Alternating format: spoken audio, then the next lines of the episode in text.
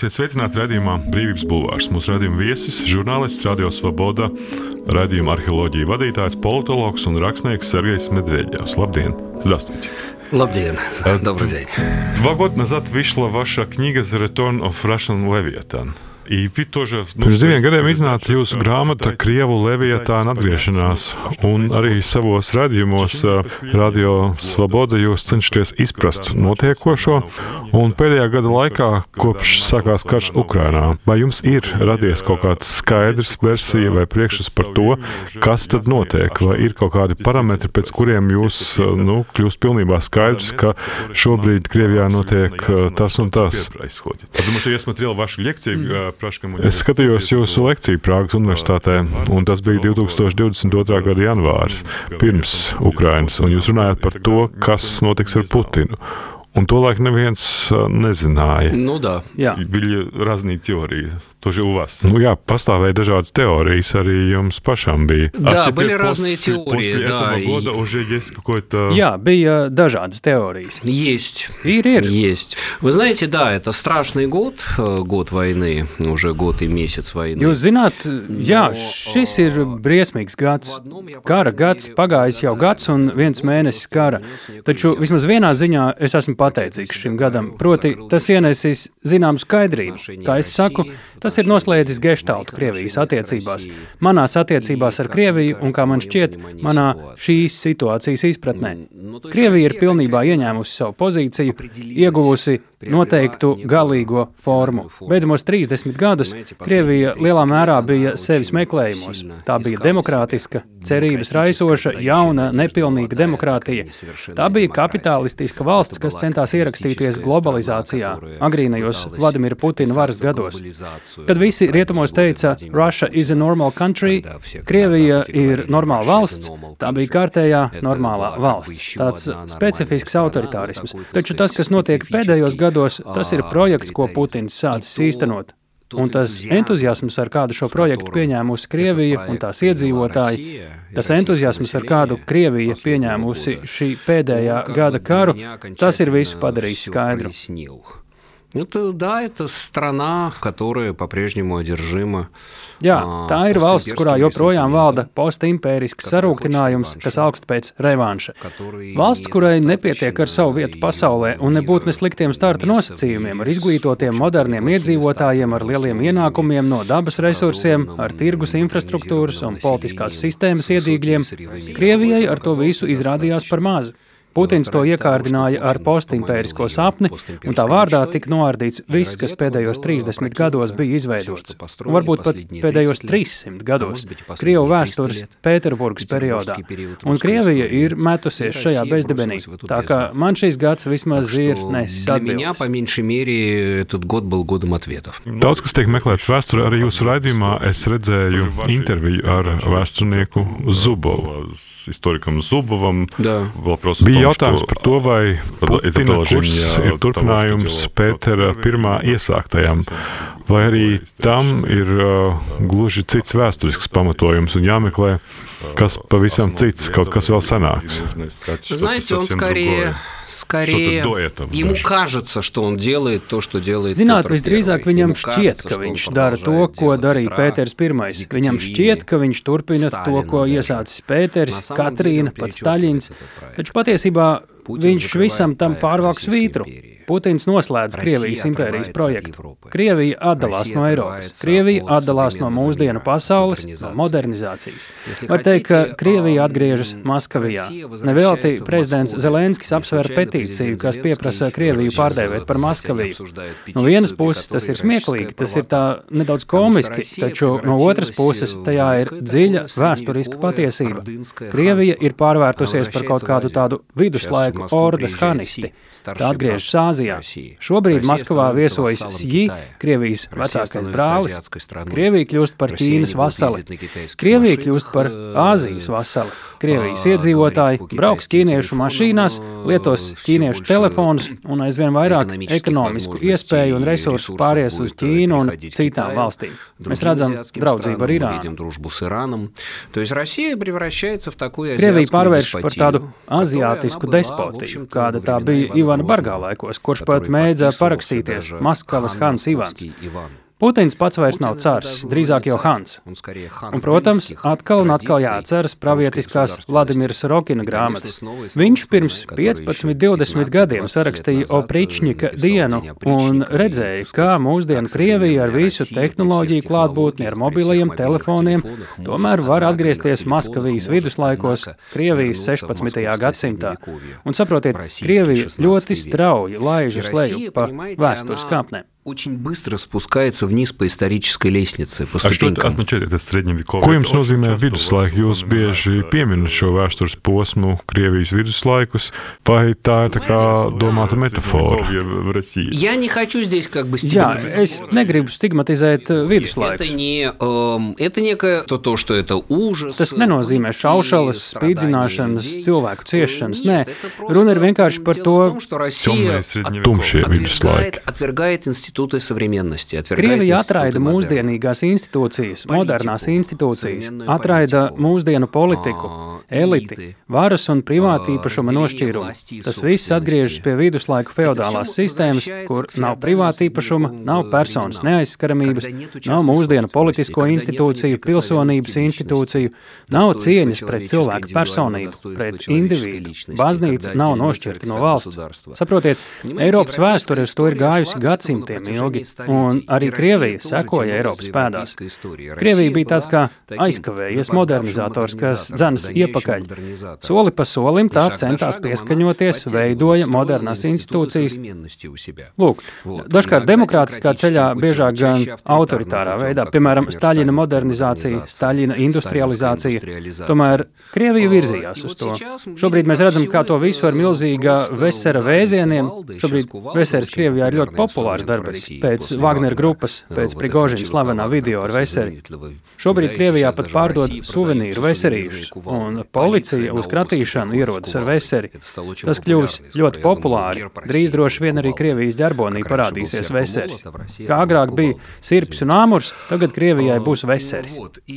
Lūk, un tas viss, visas šīs mūsdienu institūcijas tiek brucinātas ar vesera vēzieniem. Paliek pliks šis te ordas valstiskums, kur cilvēki ir iedalīti kārtās, kas barojas no viena valdnieka rokas, kur cieņpilna cilvēka dzīve ir nosacīts lielums. Un vispār cilvēka dzīvības vērtība ir nosacīta.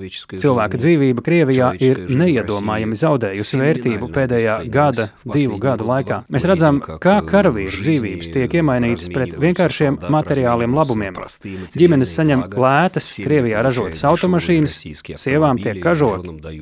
Cilvēki ir gatavi sūtīt savus tuviniekus uz fronti, lai dabūtu tā saucamo zārka naudu - 5, 7 miljonus rubļu. Pēc pašreizējā kursa tas ir nu, 80 līdz 100 tūkstoši eiro. Cilvēks ir gatavs palikt bez vīra, bez dēla, bez tēva, ja valsts par to samaksās šādu summu. Krievijā ir sākusies tāda ļoti интересанта tirgošanās ar cilvēku ķermeni. человеческими телами начался в России. Ну, вы говорили тоже в одной из ваших передач было посвящено... Jūs pats teicāt, kādā no saviem raidījumiem, kas bija veltīts nāves ideoloģijai, ka nāve esot kļuvusi par tādu kā konstruktu, jeb instrumentu tai visai propagandai, kas tiek veidot Krievijā. Это даже не идеология, это инстинкт. Это инстинкт Tāpat nav ideoloģija, tas ir instinkts, nāves instinkts, tieksme pēc slimīgā. Kā teica Freids, kur libido, tur morbīds. Tieksme vairoties, tieksme mīlēt, tieksme pēc nāves. Un Krievija ir pārņemta. Kopā ar Putinu tā ir pārņemta ar šo nāves kultu. Tas viss ir sācies jau agrāk. Mēs redzam, kā šis uzvaras kults ir pārvērties par nāves kultu. Cilvēki sāka gājienos godināt nemirstīgo pulku, nesa senču portretus un sāka zvērēt pie saviem senčiem, un pakāpeniski tas ir pārvērties par valsts akceptētu nāves kultu. Skolotāji skolēniem un studentiem klāsta, ka mirt par dzimteni nav kauns. Putins par to runā, Simonjāna, Vladimirs Solovjovs savos raidījumos. Jā, ir jāprot mirt par dzimteni, un Krievi vienmēr ir pratuši mirt. Turklāt Krievija to labi parāda. Krīt rinda aiz rindas. Rindām vien mobilizētie Krievijas karavīri, īpaši no Wagnera grupas, pie Bahmutas. Lūk, fantastiski video, kurus es no droniem saņemu.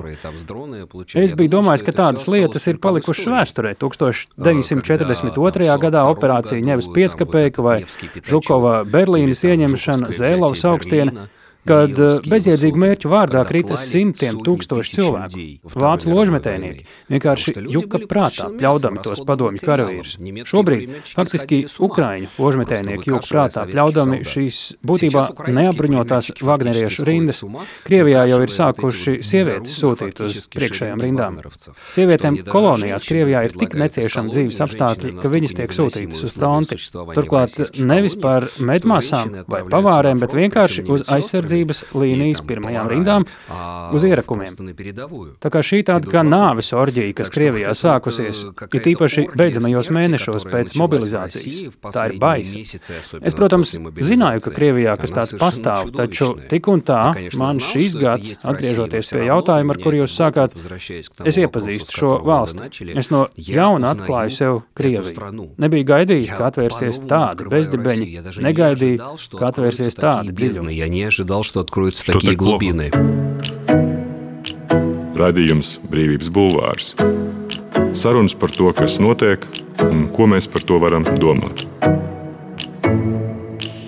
Jūsuprāt, tā bija kaut kāda sagatavošana, nu, piemēram, šī visa nemirstīgā pulka akcija, kas tika gadiem veidot. Весь этот бессмертный полк строилась годами. Ну да, это работало с очень многих концов. Daļai jā, jā, pie tā tika strādāts no daudzām pusēm.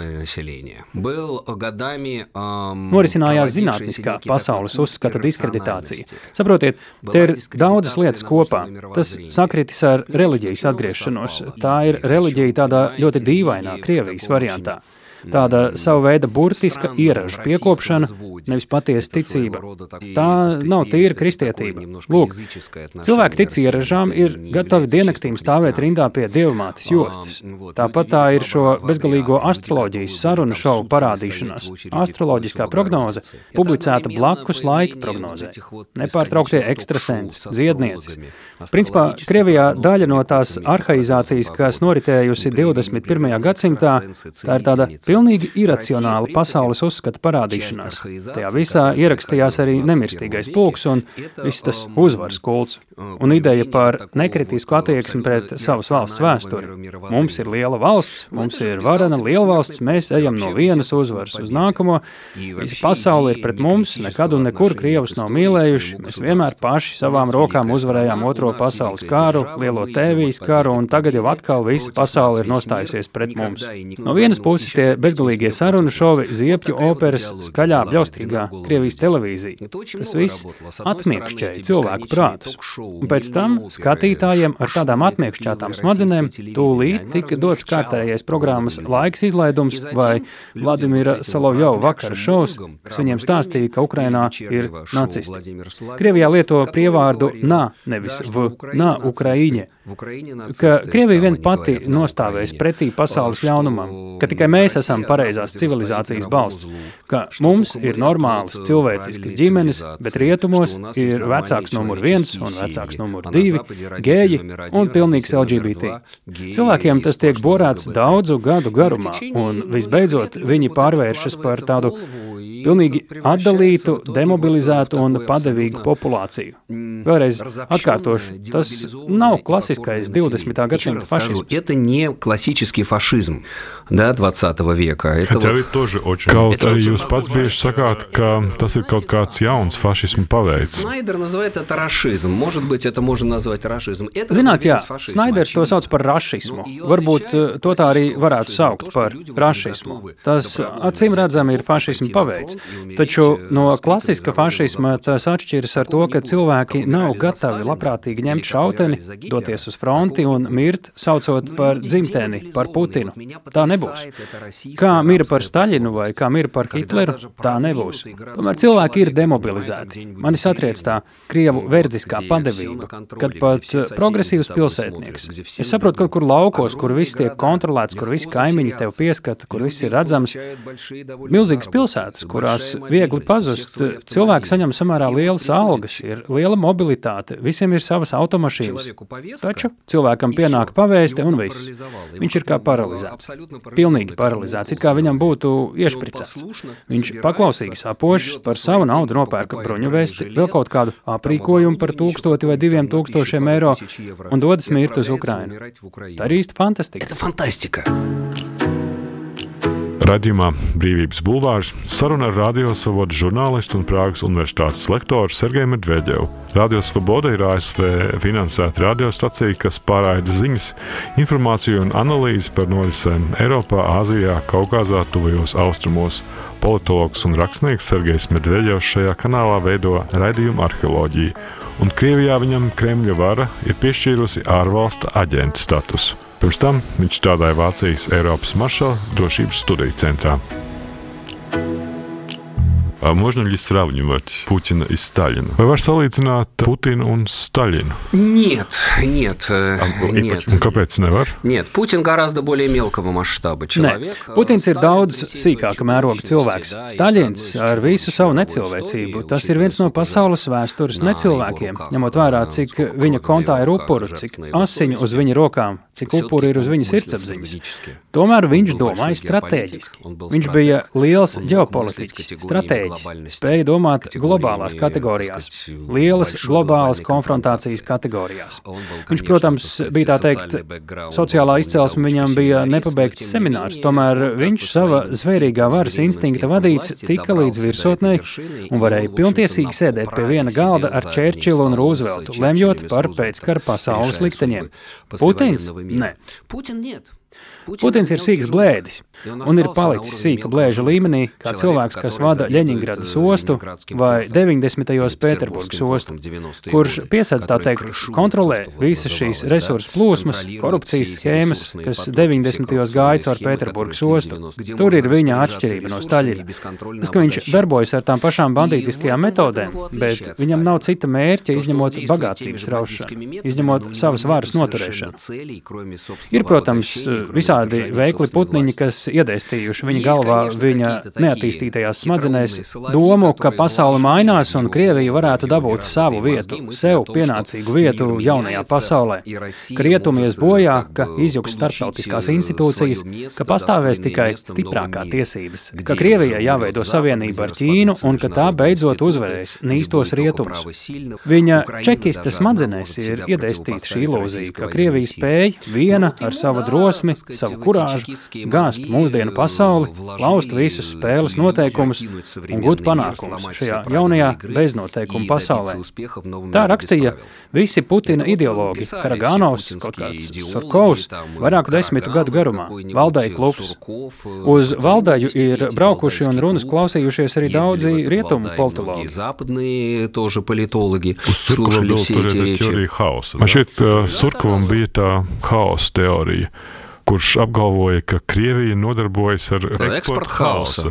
Ar haosu eksportu, jā. Это довольно успешно. Un tas vienā brīdī izskatījās samērā veiksmīgi. Да, да, но это продолжается, да, она всюду. Jā, jā, tas turpinās. Visur, arī šeit, Baltijas valstīs un Eiropā un Amerikas vēlēšanās, tā ir tā Krievijas hibrīda taktika, kurā Krievija eksportē entropiju. Surkovs ir tāds samērā viltīgs ideologs. Viņš vispār saka pareizi. Krievija ir entropijas telpa jau pirmsākumos, pat bez Putina. Krievija pati par sevi ir amorfa telpa, kam nav piešķirta jēga. Par to gandrīz pirms 200 gadiem jau rakstīja Čādājevs filozofiskajās vēstulēs. Krievijai nav apziņas, nav apzinātības. Krievija ir liela, tumša, iracionāla telpa. Ir tāds filozofs Boris Grojs, viņam ir brīnišķīgs neliels darbs - Krievija kā rietumu zemapziņa. Krievija tā ir milzīga bezapziņas telpa. Lūk, tā ir entropijas telpa.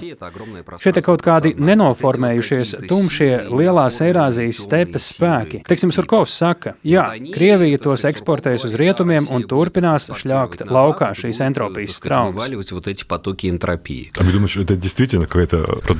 Jūs domājat, ka tā patiešām bija kaut kāda nu, pārdomāta politika? Nu, visdrīzāk ne, viņiem nav. Viņi skaisti apraksta, cenšas skaisti aprakstīt situāciju. Es domāju, pārdomāta politika Krievijā nepastāv. Tā nav Ķīna. Stratēģijas, stratēģiskas domāšanas tur nav. Ir kaut kādi attāli priekšstati par to, ka būtu labi, ja būtu, būtu labi gāzt mūsdienu pasauli un iznīcināt visas institūcijas.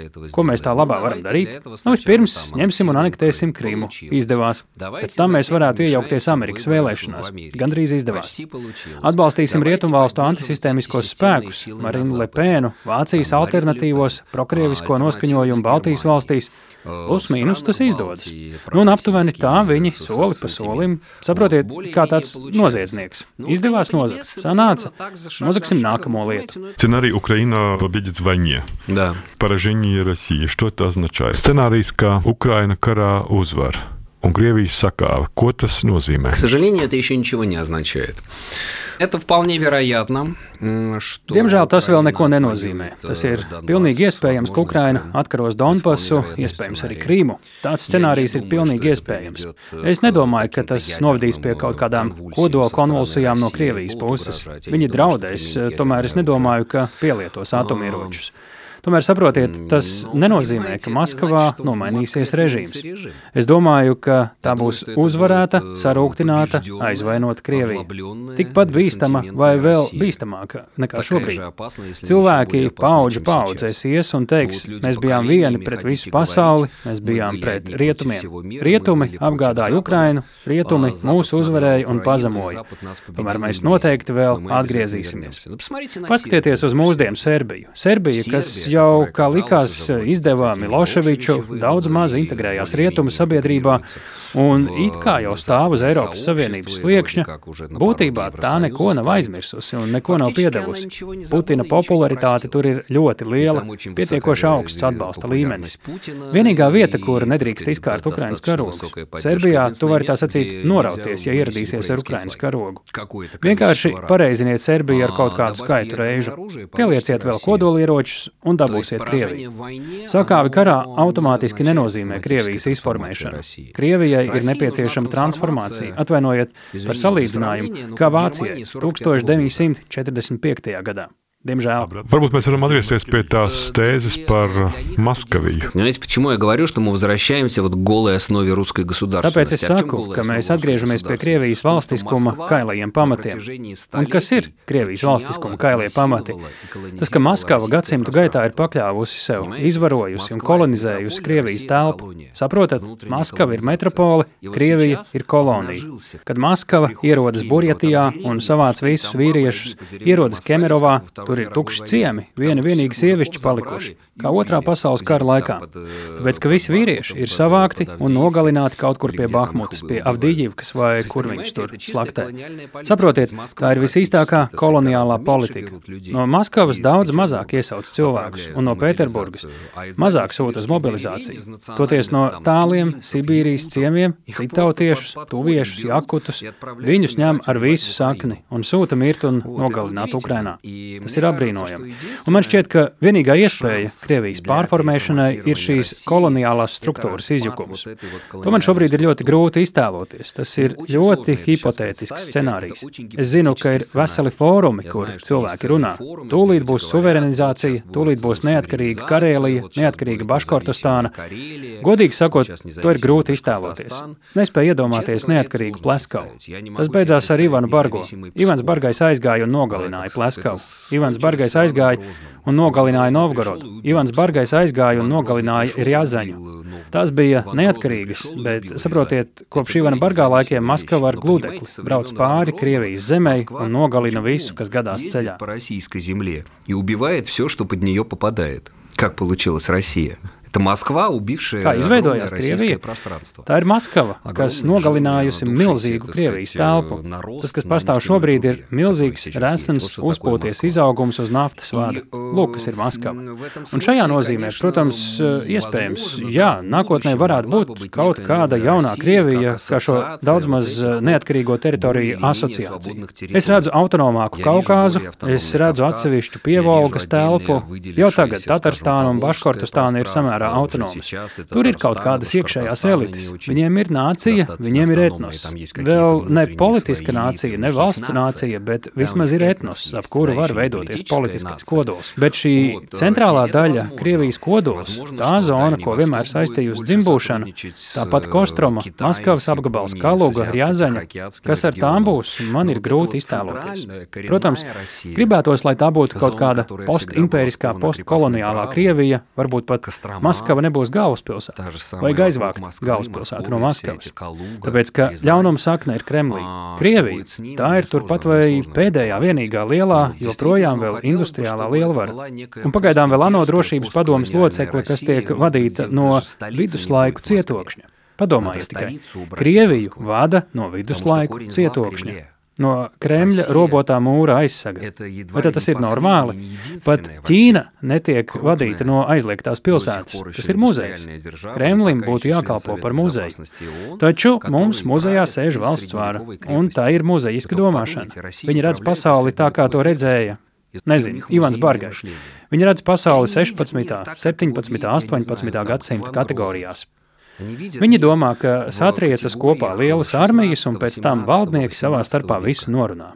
Bet pasaule ir iekārtot citādi, un viņi to Kremlī vēl nav sapratuši. И они этого не поняли в Кремле. А что означает для вас, ну, русскому жить теперь на, на Западе? Ko jums Krievam nozīmē šobrīd dzīvot rietumos, vai Ukrainas karš ir radījis jautājumus par krieviskumu, par būšanu Krievам? Нет, ну, конечно, она ставит вопрос об идентичности, но для меня это в большой степени, конечно, это развод с Россией. Protams, tā uzstāda jautājumu par identitāti. Man tas lielā mērā ir būt nošķirtam no Krievijas. Es negribētu šobrīd skaitīties Nu, es esmu krievs. Es to savu krieviskumu nesu kā tādu stigmu, kā vācietis 40. gados. Protams, es no tās neatteikšos. Jā, esmu dzimis padomju savienībā. Jā, esmu audzis krievu kultūras klēpī. Krievu valoda ir mana dzimtā valoda. Tas man uzliek atbildību par tiem noziegumiem, kurus veic Putina Krievija. Par nogalinātajiem bučā, par Mariupolē sabombardētajiem bērniem, par nolaupītajiem ukraiņu bērniem. Es uz to visu skatos Jaspers garā. Un tas viss pieder pie manas, tiesa netiešās vainas. Viņš nošķīra vainu un atbildību. Tas pieder pie manas atbildības. Kā cilvēkam, kas ir dzīvojis, kas ir strādājis Krievijas varas sistēmas institūcijās. Augstākā ekonomikas skola būtībā ir padota Krievijas federācijas vadībai. Protams, tā ir arī mana atbildība. Tā kā man līdz mūža beigām jānes tā atbildības nasta, un ar savu dzīvi un ar savu darbu jāizpērk tā vaina, ko šobrīd Krievija sev uzvēlus. Taču tādā ontoloģiskā nozīmē Krievijai tā, protams, ir milzīga katastrofa. Tā ir visas krievu kultūras, krievu civilizācijas nonulēšanas katastrofa. Tā ir visas krievu civilizācijas caurkrišana, visa tā ceļa, ko Krievija gājusi nevien pēdējos 30, bet pēdējos 300 gadus. Viss Krievijas vēstures Eiropas periods. Varbūt arī pēdējie 500 gadi. Tas ir satriecoši, kas tagad notiek. Saprotat, tiek pārvilkts krusts pāri milzīgam cilvēku, prakšu, informācijas, stāstu, kultūras slānim. Kaut kādā mērā tas saglabāsies nākotnē. Jā, protams. Es domāju, ka nākotnē lasīs Dostojevski un klausīsies, nezinu, Šostakoviču, bet šobrīd notiek tā visa pārvērtēšana. Un vajag atzīt savu atbildību un to, kā mēs, kā kultūras slānis, kā cilvēki, cilvēki, kam ir saistība ar Krievijas pārvaldi, menedžmentu, izglītotāki cilvēki, ar resursiem nodrošinātāki cilvēki, kas dzīvo Maskavā, mēs nespējām novērst valsts novirzīšanos uz fašisma ceļu. Tā ir arī mūsu atbildība. Tā ir arī mana vaina. Man krieviskums saistās pirmkārt ar šo atbildību, ko es izjūtu, un nezinu, ar izpirkšanu, kas būs jāveic nākamajās desmitgadēs. которым Es jau Vambašu. Pasīvi, Gins. Tas bija radījums Brīvības bulvārs. Mans vārds Gins Grūba, radījumu ierakstīja Toms Šits un Montei Nora Mitspa. Paldies! Brīvība ir brīvība, nevienlīdzība vai taisnīgums, vai kultūra vai cilvēks laime. Tā teica Iesai Berlīns. Sarunas ar brīvas apziņas un ideju cilvēkiem radījumā Brīvības bulvārs.